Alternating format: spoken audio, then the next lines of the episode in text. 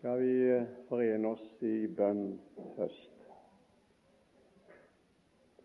Kjære himmelske Far og Frelser, vi vil takke deg for det du allerede har gitt oss i, i denne dag ut ifra ditt ord. Vi vil takke deg for de sannheter du fikk lytte til i siste bibeltime her om korset. Og Herre, det var godt, det var mat for min sjel. Herre, nå vil vi også takke deg for du er interessert i å velsigne også denne timen. Om du kunne få lov å bruke det jeg skal lese, og det jeg skal si nå, så kunne du få lov å bruke det til ære for deg sjøl, ditt navn, og at vi kunne få lov å se inn i rikdommene i ditt ord, så det kunne bli til rikdom for vårt Guds liv. Herre, vi vil takke deg for vi får lov å lese ordet ditt og få lov å vite at du står bak det, våker over det for å fullbyrde det. Må du velsigne oss for Jesus skyld og i Jesu navn. Amen. Israel i Bibelens lys er fremdeles vårt emne her. Og Jeg skal ikke ta tid til å repetere noe som jeg har sagt forut, for det tar for lang tid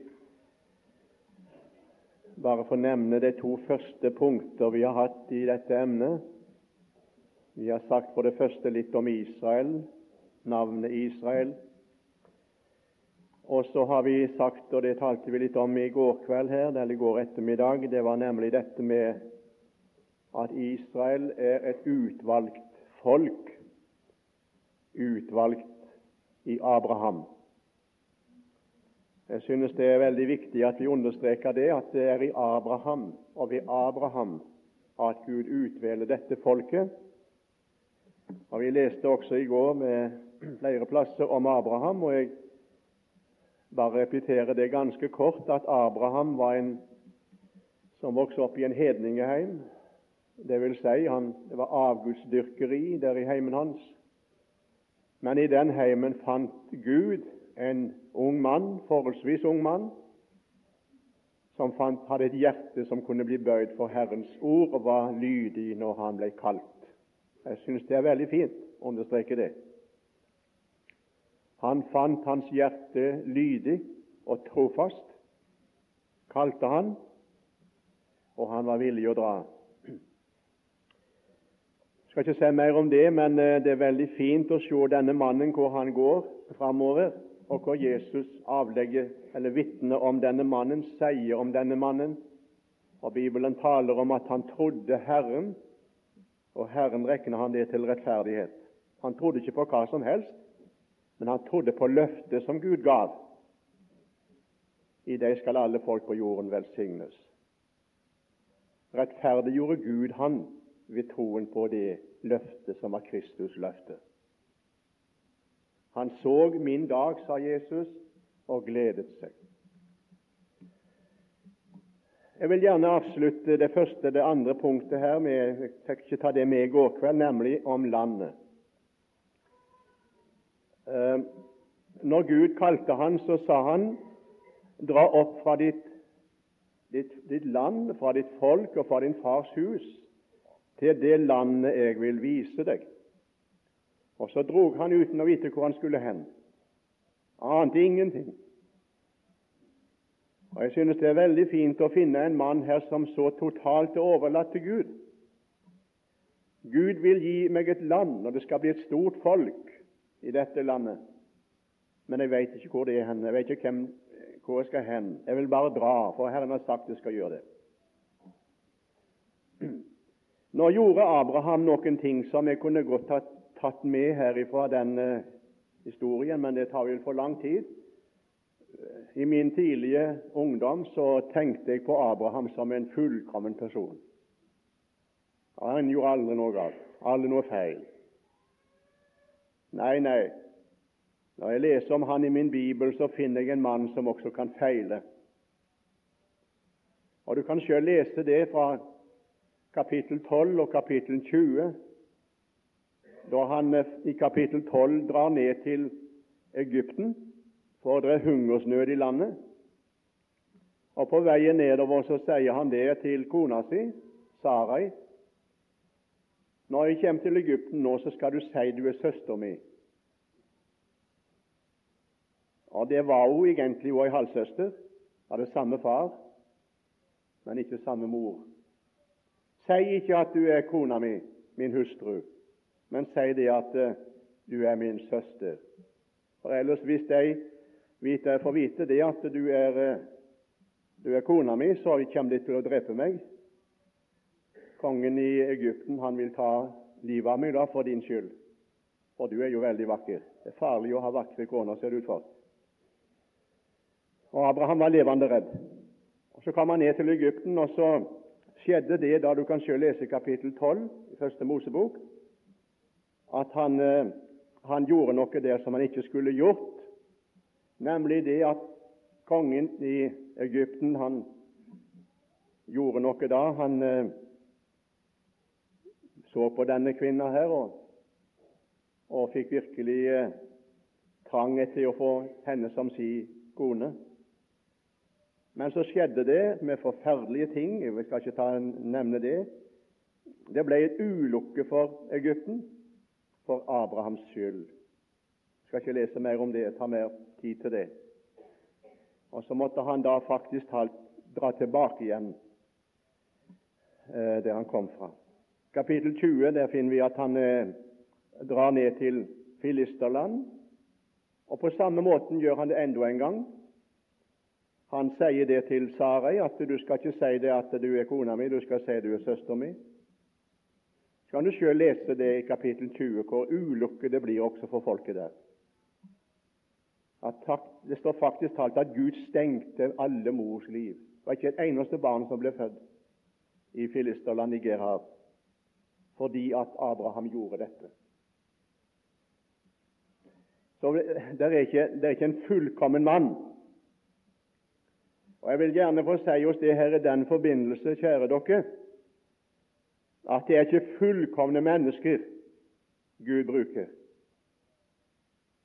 Nei, han gjør ikke det. Fullkomne i seg sjøl er ikke noen av oss. Men allikevel vil han bruke oss og føre fram sin sak og sitt, sin frelse. Nå gjorde Abraham noen ting som jeg også skulle tatt tid til å nevne, men det kan jeg ikke gjøre. Han tok med seg Lot. Det hadde heller ikke Gud sagt. Du kan selv lese det. Nå var det vel Tara som tok initiativet den gangen også. Kapittel 11 kan du selv se det, at det var Tara som tok initiativet. Tok Lot med, brorsønnen, sønnen til Nako, Abrahams bror.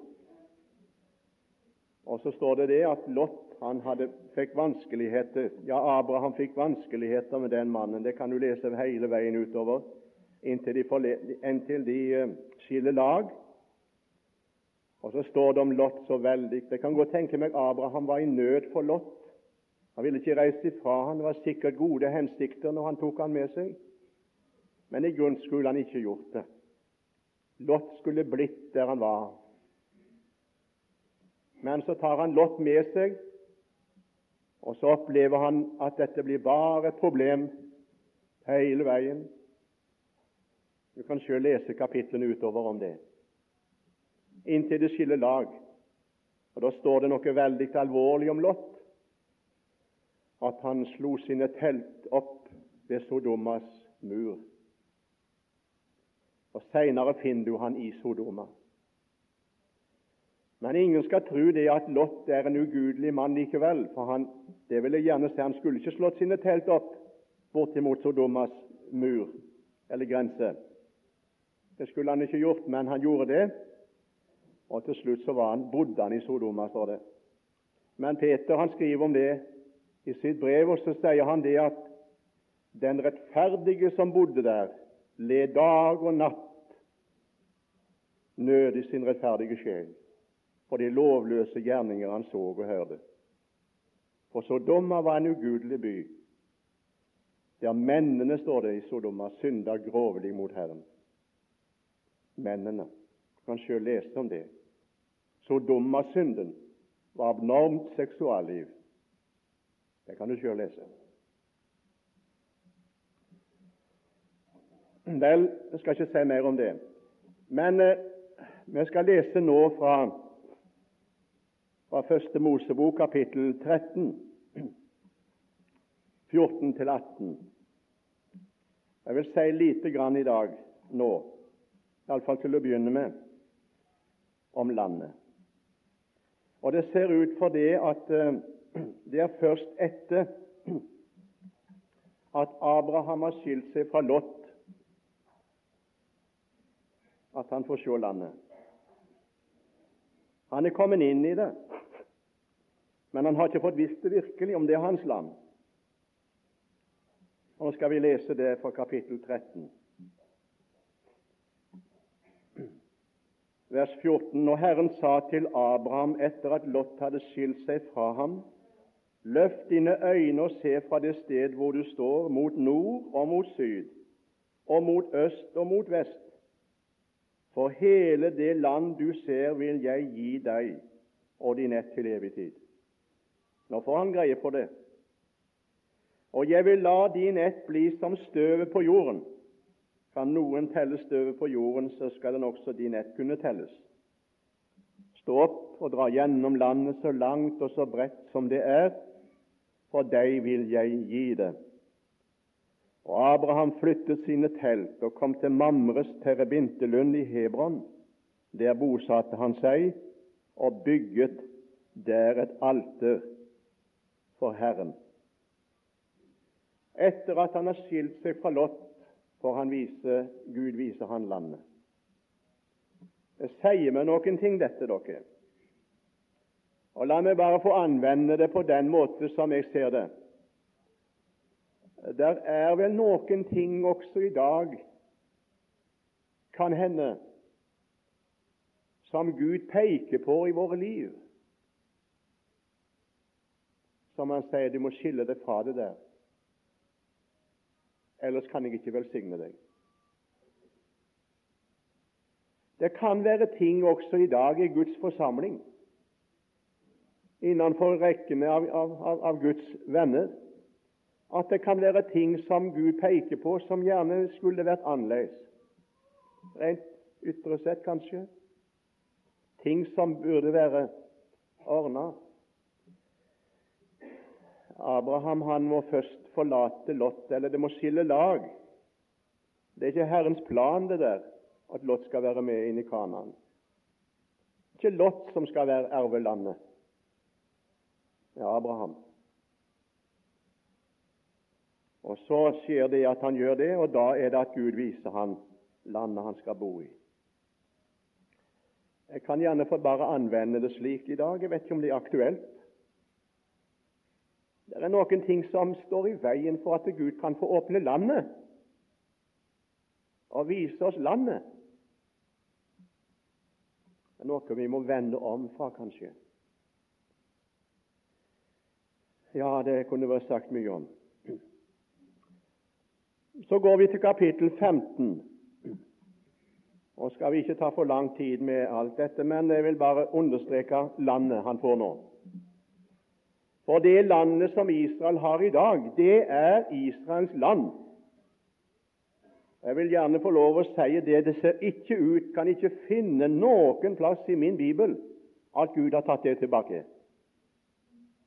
Han har gitt skjøte på landet til Abraham, og det står ved lag. Og Jeg vil gjerne si også det, så langt som jeg forstår og har fulgt med i geografien. I den bibelske geografi så vil jeg gjerne få lov å si det. Jeg kan ikke skjønne noe annet enn at de skal ha mye mer enn det de har i dag. Nå skal du høre hva det står i kapittel 15. Vi kan lese for sammenhengens skyld fra vers 5. Det er så fint å ta det med, synes jeg. Når Herren kom på besøk til Abraham. Og Herren og han førte ham utenfor og sa, Se opp til himmelen og tell stjernene, om du kan telle dem. Og han sa til ham, så skal din ett bli. Og Abraham trodde på Herren, og han regnet ham det til rettferdighet. Og han sa til ham, Jeg er Herren som førte deg ut fra Uri Kaldea, for å gi deg dette land til eie. Så er han i tvil, Abraham, ser det ut for. Han er, han er ikke sikker. Og så sier han da, Herre, Herre, fra vers 8, hvorav kan jeg vite at jeg skal eie det? Da sa han til ham, hent meg en treårs gammel kvige og en treårs gammel gjet og en treårs gammel vær og en turteldue og en dueunge. Så hentet han alt dette til ham og skar dyrene midt over og la det ene stykket av hvert dyr rett imot det andre, men fuglene skar han ikke over. Og råfugler for ned på de døde kropper, men Abraham jaget dem bort. Da nu solen var nær ved å gå ned og en dyp søvn var falt over Abraham, se, da falt redsel et stort mørke over ham. Han sa til Abraham, Gud, det skal du vite at din ett skal bo som fremmede i et land som ikke hører dem til. De skal trelle for folket der, plages av dem i 400 år. Men det folk som de skal trelle for, vil jeg også dømme, og deretter skal de dra ut med meget gods. Men du skal fare til dine fedre i fred og bli begravet i en god alderdom. Og i det fjerde ett ledd skal de komme hit igjen, for amorittene altså de som bor i landet, har ennå ikke fylt sitt ondskapsmål. Og så står det Da nu solen var gått ned og det var blitt aldeles mørkt, fikk Abraham se en rykende ovn og en lugende ild som for frem mellom kjøttstykkene. Den dag gjorde Herren en pakt med Abraham og sa:" Din ett gir jeg dette land, fra Egyptens elv like til den store elv, elven Frat, eller Eufrat. Kenittenes og kenisittenes og kadmonittenes og hertittenes og ferisittenes og refaittenes og amorittenes og kananittenes og girgasittenes og jebusittenes land. Jeg kan ikke se noe annet enn at her er skjøtet. Her, sier Gud, er landet ditt. Like fra Egyptens elv, står det her. Fra Egyptens bekk, står det en annen plass. Og så langt jeg forstår det nå, så når jeg har jo vært der nede og sett litt på det og snakket litt om det òg, er det der som nå Israel trekker seg tilbake til. De har trukket seg tilbake til Egyptens bekk. Den bekken er visst ikke noe vann i, men det er iallfall et elveleie som viser tvers gjennom Sinajørken. Men eh, ettersom jeg ser det her, så vil jeg gjerne tro det du ser det du òg, at det står lenger nordover fra Egyptens elv altså fra Egyptens bekk, like til Eufrat. Og Da må vi gjerne få si det her, kjære dere. Jeg vil gjerne si det til dere unge, kanskje. Vi som er eldre, vi, vi har tenkt litt mer på det. Kanskje noen av dere gjør det. Jeg vil gjerne si det her at uh, når det blir sagt at uh, Vestbredden er okkupert av Israel det hører vi i norsk rikskringkasting, og det hører vi det blir beskrevet i avisen osv. Det er okkupert. Jerusalem er okkupert, og, og Vestbredden er okkupert, og alt det der det er okkupert av Israel. Nei, det er ikke det. Jeg vil gjerne si det det tilhører deg, dette landet. Det er ikke okkupert. Det er gjenvunnet.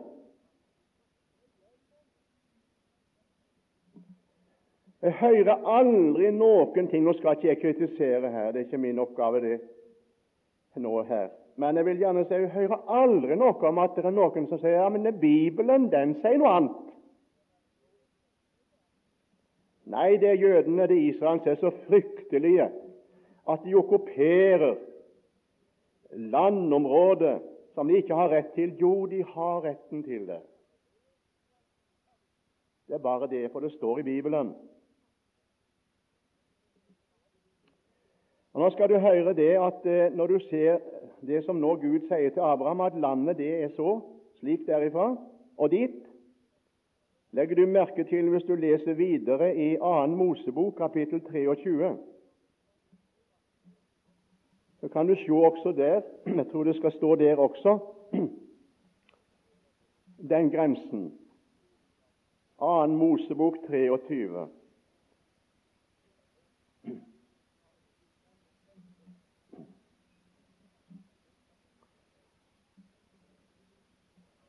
Vers 20.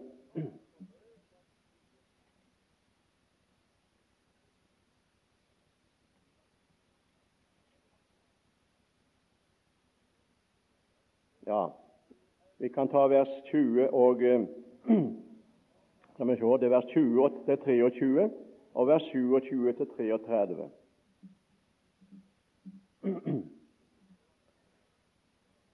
Se, jeg sender en engel foran deg for å vokte deg på veien, for å føre deg til det sted jeg har utsett for deg. Ta deg i vare for han og hør på hans røst, vær ikke gjenstridig mot ham.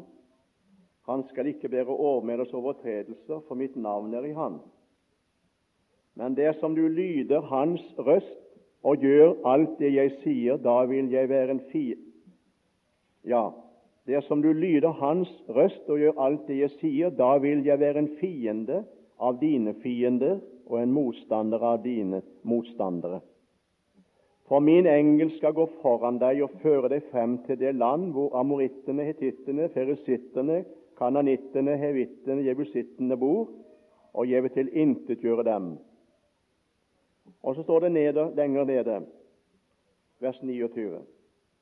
Jeg vil ikke jage dem bort fra deg på et år, for at ikke landet skal bli øde og de ville dyr bli for mange for deg. Litt etter litt vil jeg jage dem bort fra deg, inntil du blir så stort et folk at du kan ta landet i eie. Og så kommer grensen. Jeg vil la ditt lands grenser gå fra Det røde hav til filisternes hav. Og filisternes hav, det er ved Middelhavet. Og fra ørkenen akkurat det samme Egyptens bekk, Egyptens elv. For jeg vil la landets innbyggere i din hånd, og du skal jage dem bort fra deg. Fra ørkenen og til elven. For jeg vil la landets innbyggere i din hånd, og du skal jage dem bort fra deg. Altså Her har du samme grensen. Den blir gjentatt ifra Det røde hav og til Middelhavet. Ifra Egyptens elv, Egyptens bekk og til Eufrat. Det er det det er grenser som Herren setter for Israel. Og Så langt som jeg har sagt det tidligere her, vil jeg gjerne gjenta det. Jeg kan ikke se i min bibel at Gud har sagt nei, nå er det ikke gyldig. For dette, dere, dette, disse landegrensene her som Gud gav Israel, gav Abraham den gangen, stadfesta han med et offer. Han, av, han, han inngikk en pakt. Og Du talte litt om det her, Sæteråsen, i går. Jeg skal ikke komme inn på det her, men når Abraham er i tvil om han landet hans, så sier Gud, 'Kom til meg med disse tre dyrene'. Nå skal vi inngå en pakt. Og Ettersom jeg har lest litt i historien om det der, så var det en måte å inngå en pakt på. Det var det at når de skulle De har funnet faktisk talt eh, papirer eller skrifter der det er klart og tydelig kommet fram når de skal inngå en pakt. Før gjorde det, så gjorde de det på den måten. De delte et dyr i to deler, og så gikk begge partene da inn imellom kjøttstykkene og inngikk pakten. Mellom dyrets to kjøttstykker, eller dyret var delt i to, sto disse som skulle inngå en pakt. Mellom disse stykkene det var et offer som var gitt, et dyr som var tatt av dage. Og så, og, så, og så, sto de der, og så inngikk de en pakt mellom disse to deler av dyret. Det var en tosidig pakt i det tilfellet. Når Abraham skal få vite om landet hans, oppretter Gud en ensidig pakt. Han tar ikke Abraham med på det. Abraham ser at Gud farer mellom kjøttstykkene. Tre dyr betyr også treenigheten. Faderen og Sønnen og Ånden.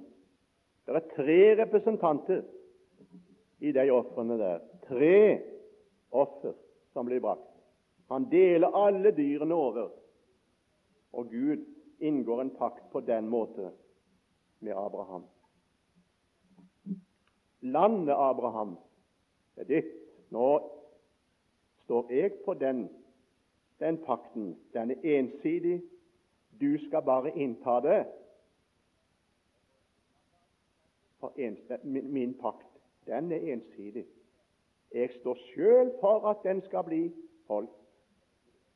Og Jeg må gjerne få si, når jeg da tenker på det, og tenker på den nye pakt som Kristus innstifta ved sitt blod, var det ingen av Gud kunne kalle mellom kjøttstykkene og si nå går vi sammen om pakten her. Nå får du gjøre ditt, og så gjør jeg mitt. Nei. Her, her vitner Gud for Abraham også, og for oss, om at når det gjelder frelse, er det en ensidig pakt. Gud står for hele pakten. Han skal, som har inngått den, han skal også holde den. Den nye pakt i Jesu blod.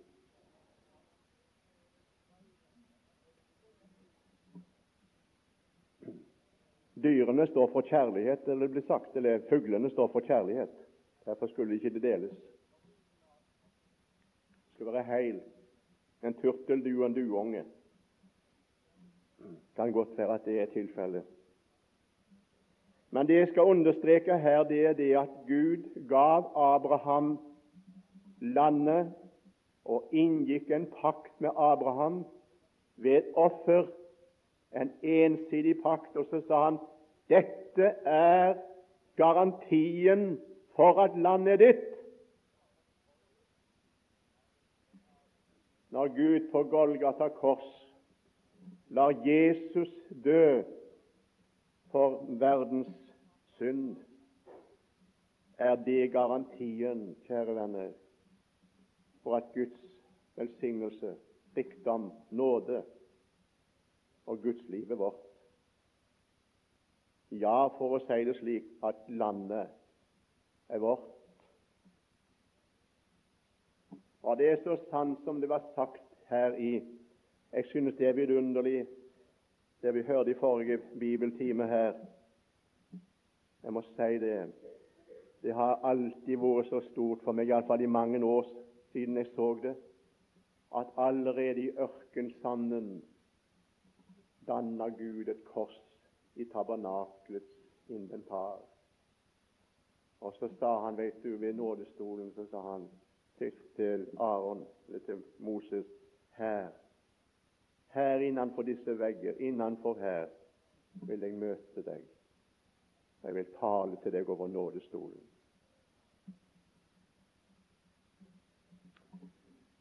Eh, kunne jeg få lov å sekte rent eh, sjelesørgerisk her i dag? Jeg har lyst til å anvende dette her litt, så det ikke bare blir historie for Abraham og Israel, men det er skrevet til lærdom for oss også.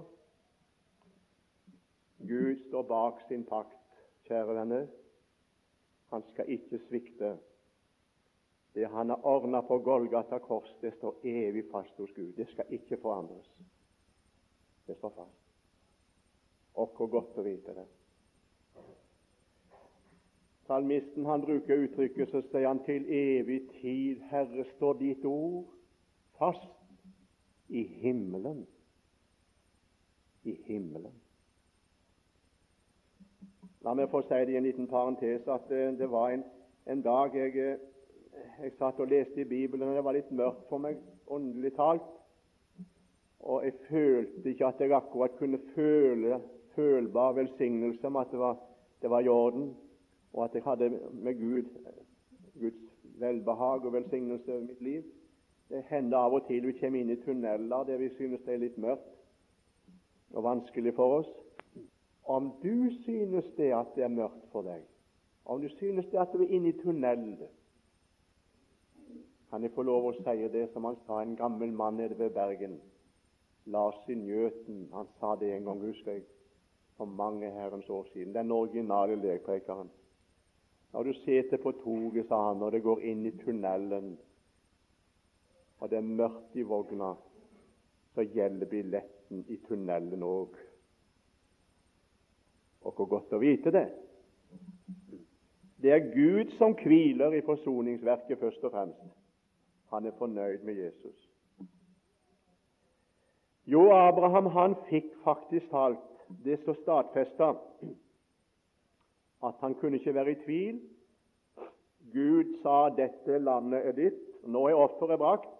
Du har brakt offeret, og jeg har, jeg har inngått pakten, en ensidig pakt med deg om dette. Nå står det fast. Og Vil du gjerne sjøl lese av første kongebok, kapittel 4, vers 21, uten at vi slår det opp, og Josfa kapittel 6-12, så kan du se at det var den grensen og de grensene som de regnet med hele tiden. Kong Salomo rådde innenfor de grenser, står det i første kongebok kapittel 4, 21. Så Det skal vi understreke her. fordi at det er, det, Som jeg allerede har nevnt, så er det, er det mange som tenker på dette her at er, Har Israel rett til dette landet som de nå har? Er, er, det, det deres land? Er ikke det noe de har okkupert? Jeg vil gjerne si nei. De har bare tatt det igjen. Det er deres land. Kommer tilbake igjen til det de to neste timene.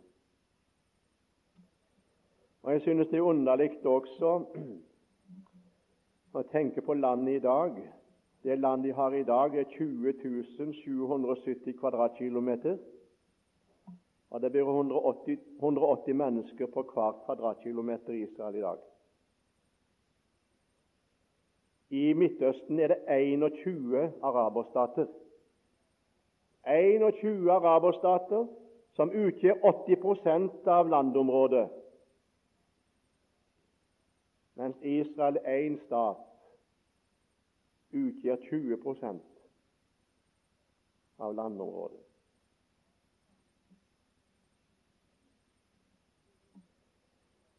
Videre blir det også sagt i Første Mosebok 16, 11 og 12 at landet skulle være Israels land og ikke noe annet sitt land. Hagar Ismaels, eller Ismael, Hagars sønn, og folket etter Hagar skulle bli øst, bo østenfor alle sine brødre. Så langt jeg forstår det, så er Ismael stamfaren for araberne. De skulle bo østenfor. Du kan selv lese det, kapittel 16, 11, 12, første Mosebok. Der står det om, om, om Ismael og hans folk, som også skulle bli stort folk, østen for alle sine brødre. La det være nok sagt om Abraham og landet i den forbindelse.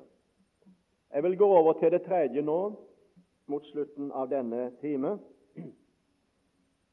Når begynner neste time? Halv. Og Da vil jeg si litt om Israel i Bibelens lys som et folk som er tilsidesatt. Jeg vil si det her fordi at eh, i Romerbrevet kapittel 11, som vi skal komme snart inn i og si litt om, der får du klar beskjed, nemlig allerede i første vers har da Gud forkastet sitt folk? Langt derifra. Også jeg er jo israelitt, sier apostelen av Abrahams ett av Benjamins stamme. Israel, Bibelen, Israel i Bibelens lys er et tilsidesatt folk, men ikke et forkasta folk. Det vil jeg gjerne understreke.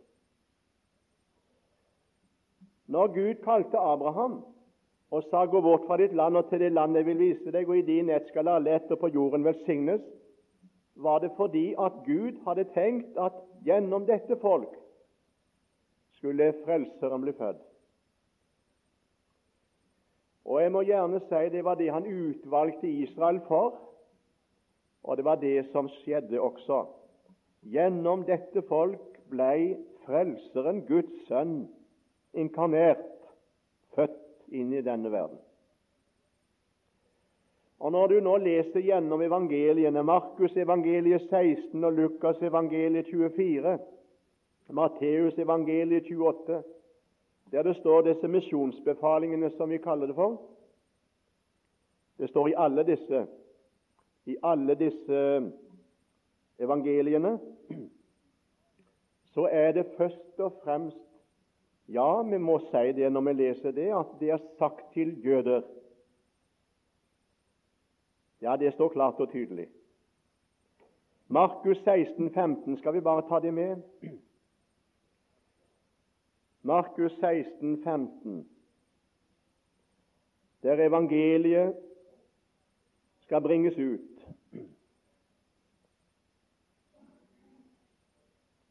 Og han sa til dem Og det var jøder han sa det til. Det var Israel han sa det til. Gå ut i all verden og forkynn evangeliet for all skapningen. Det sa han. Det skulle gå ut og forkynne evangeliet for all skapningen. Lukas 24 likeså. Det var Israel som fikk den beskjeden. Det var jøder som fikk den beskjeden. Likeså i vers, 20, vers 46, eh, kapittel 24 hos Lukas, vers 47, og i hans navn skal omvendelse og syndernes forlatelse forkynnes for alle folkeslag fra Jerusalem av. Dere er vitner om dette. Og Så kjenner vi til den som vi kaller for misjonsbefalingen da i Matteus 28. Det var elleve menn, og alle var jøder. Sto på Galileafjellet sammen med Jesus. Og det står det at Jesus trådte frem og sa, talte til dem og sa meg gitt all makt i himmel og på jord. Gå derfor ut og gjør alle folkeslag til mine disipler. Av de som fikk beskjeden. Det var jøder som fikk oppdraget først å gå med evangeliet. Men hva skjedde? Det skjedde nemlig det at Israels ledere, og det er det alvorlige, var imot Kristus og trodde ikke at han var Messias. Vi har inntrykk av det mange ganger at hele Israel, alle sammen, alle, alle små og store, hvem de var, alle disse forherda seg imot Jesus. Så Israel som sådan var et forherda folk, og ingenting ville ha med Jesus å gjøre. Nei, det er ikke sant, det. Det var Israels ledere, først og fremst, som forherda seg mot Jesus, og som ikke ville ha med han å gjøre. Og det gikk så langt, disse, eh, disse rådsherrene og skriftlærde og fariseerne at de sa rett og slett til folket at dersom dere bekjenner dere at han er Messias, så støyter vi dere ut av synagogen. Det var sannelig ikke spøk å ha slike ledere. Og ingen må tro det at ikke det var mennesker på Jesu tid som tok imot ham. For det var det. Ja, Johannes skriver rett og slett i sin, i sin, i sin første kapittel i Johannes evangeliet, så sier han han kom til sitt eget, og hans egne tok ikke imot ham. Men alle dem som tok imot ham, den gav han rett til å bli Guds barn. Det var noen som gjorde det. Ja, men var det det? Og Nå kan du gjerne ta med det her til, til uh, slutt i dag. Det blir ikke så mye mer vi kan få med. Det var allerede sagt i Salmenes bok, i Salme 118, vers 22. Det ble det profetert om dette. Der står det slik Den sten som bygningsmennene forkastet, er blitt hjørnesten. Og I Matteus 21, vers 42-43, sier Jesus det til jødene, sine ledere. Har dere aldri lest dette? Den sten som bygningsmennene forkastet, er blitt hjørnesten. Det var Israels ledere og bygningsmenn som ikke fulgte Abrahamslinjen. Skjønner du? Han sa det jo til deg at dere, dere, dere hater meg fordi jeg sier dere sannhet. Det gjorde ikke Abraham. Her har dere brutt linjen. Abraham så min dag og fryda seg, men det gjør ikke dere. Dere hater meg uten årsak. Dere er ledere som forkaster hovedhjørnestenen og vil bygge videre uten den. Israels ledere var det som førte folket til den situasjonen som folket ble i siden, og stort sett er i dag. Men ingen må tro det at det ikke det var det var en del, det var en, en, en stubb av folket, det var en levning, det var en sæd igjen i folket. Og Du kan lese også i flere plasser i evangeliene at de kom til troen på Jesus. Ja, Det står i kapittel 10. På andre siden av Jordan står det var det vekkelse. Der hadde døperen Johannes vært på forhånd. Han hadde vitna og sagt 'Se der Guds lam', vet du, som bærer verdens synd. Og så står det det at så kom Jesus der etterpå Johannes hadde vært der. Og så står det det da sa folket Når de hørte Jesus, så sa de alt det Johannes sa om denne, er sant. Og så står det og mange trodde på han der. Det er farlig, venner, når dere er ledere i et folk som bryter gudslinjen. Og det var det som skjedde med Israel.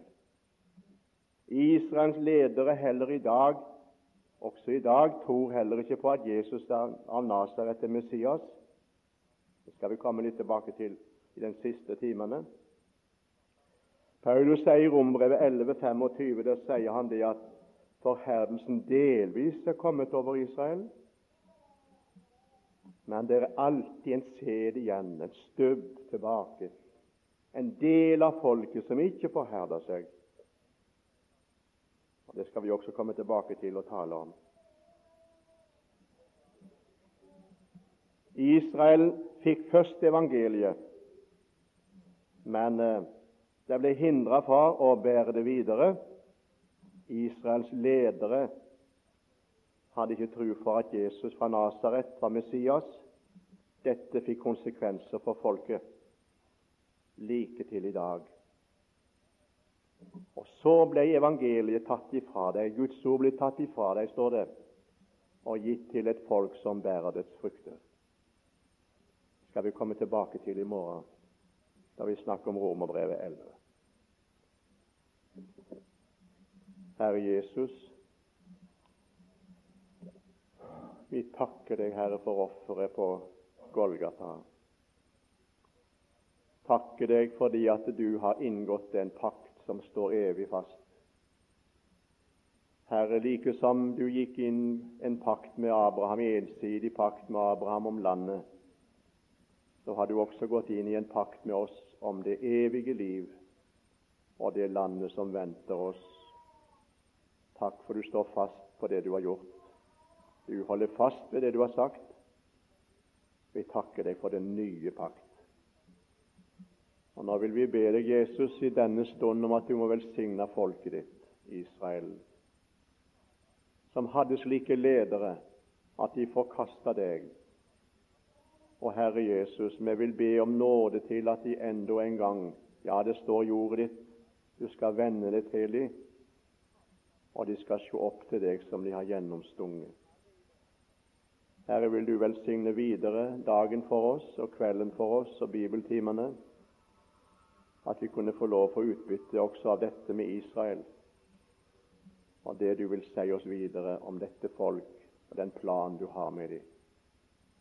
Herre, velsigne oss for Jesus skyld. Amen.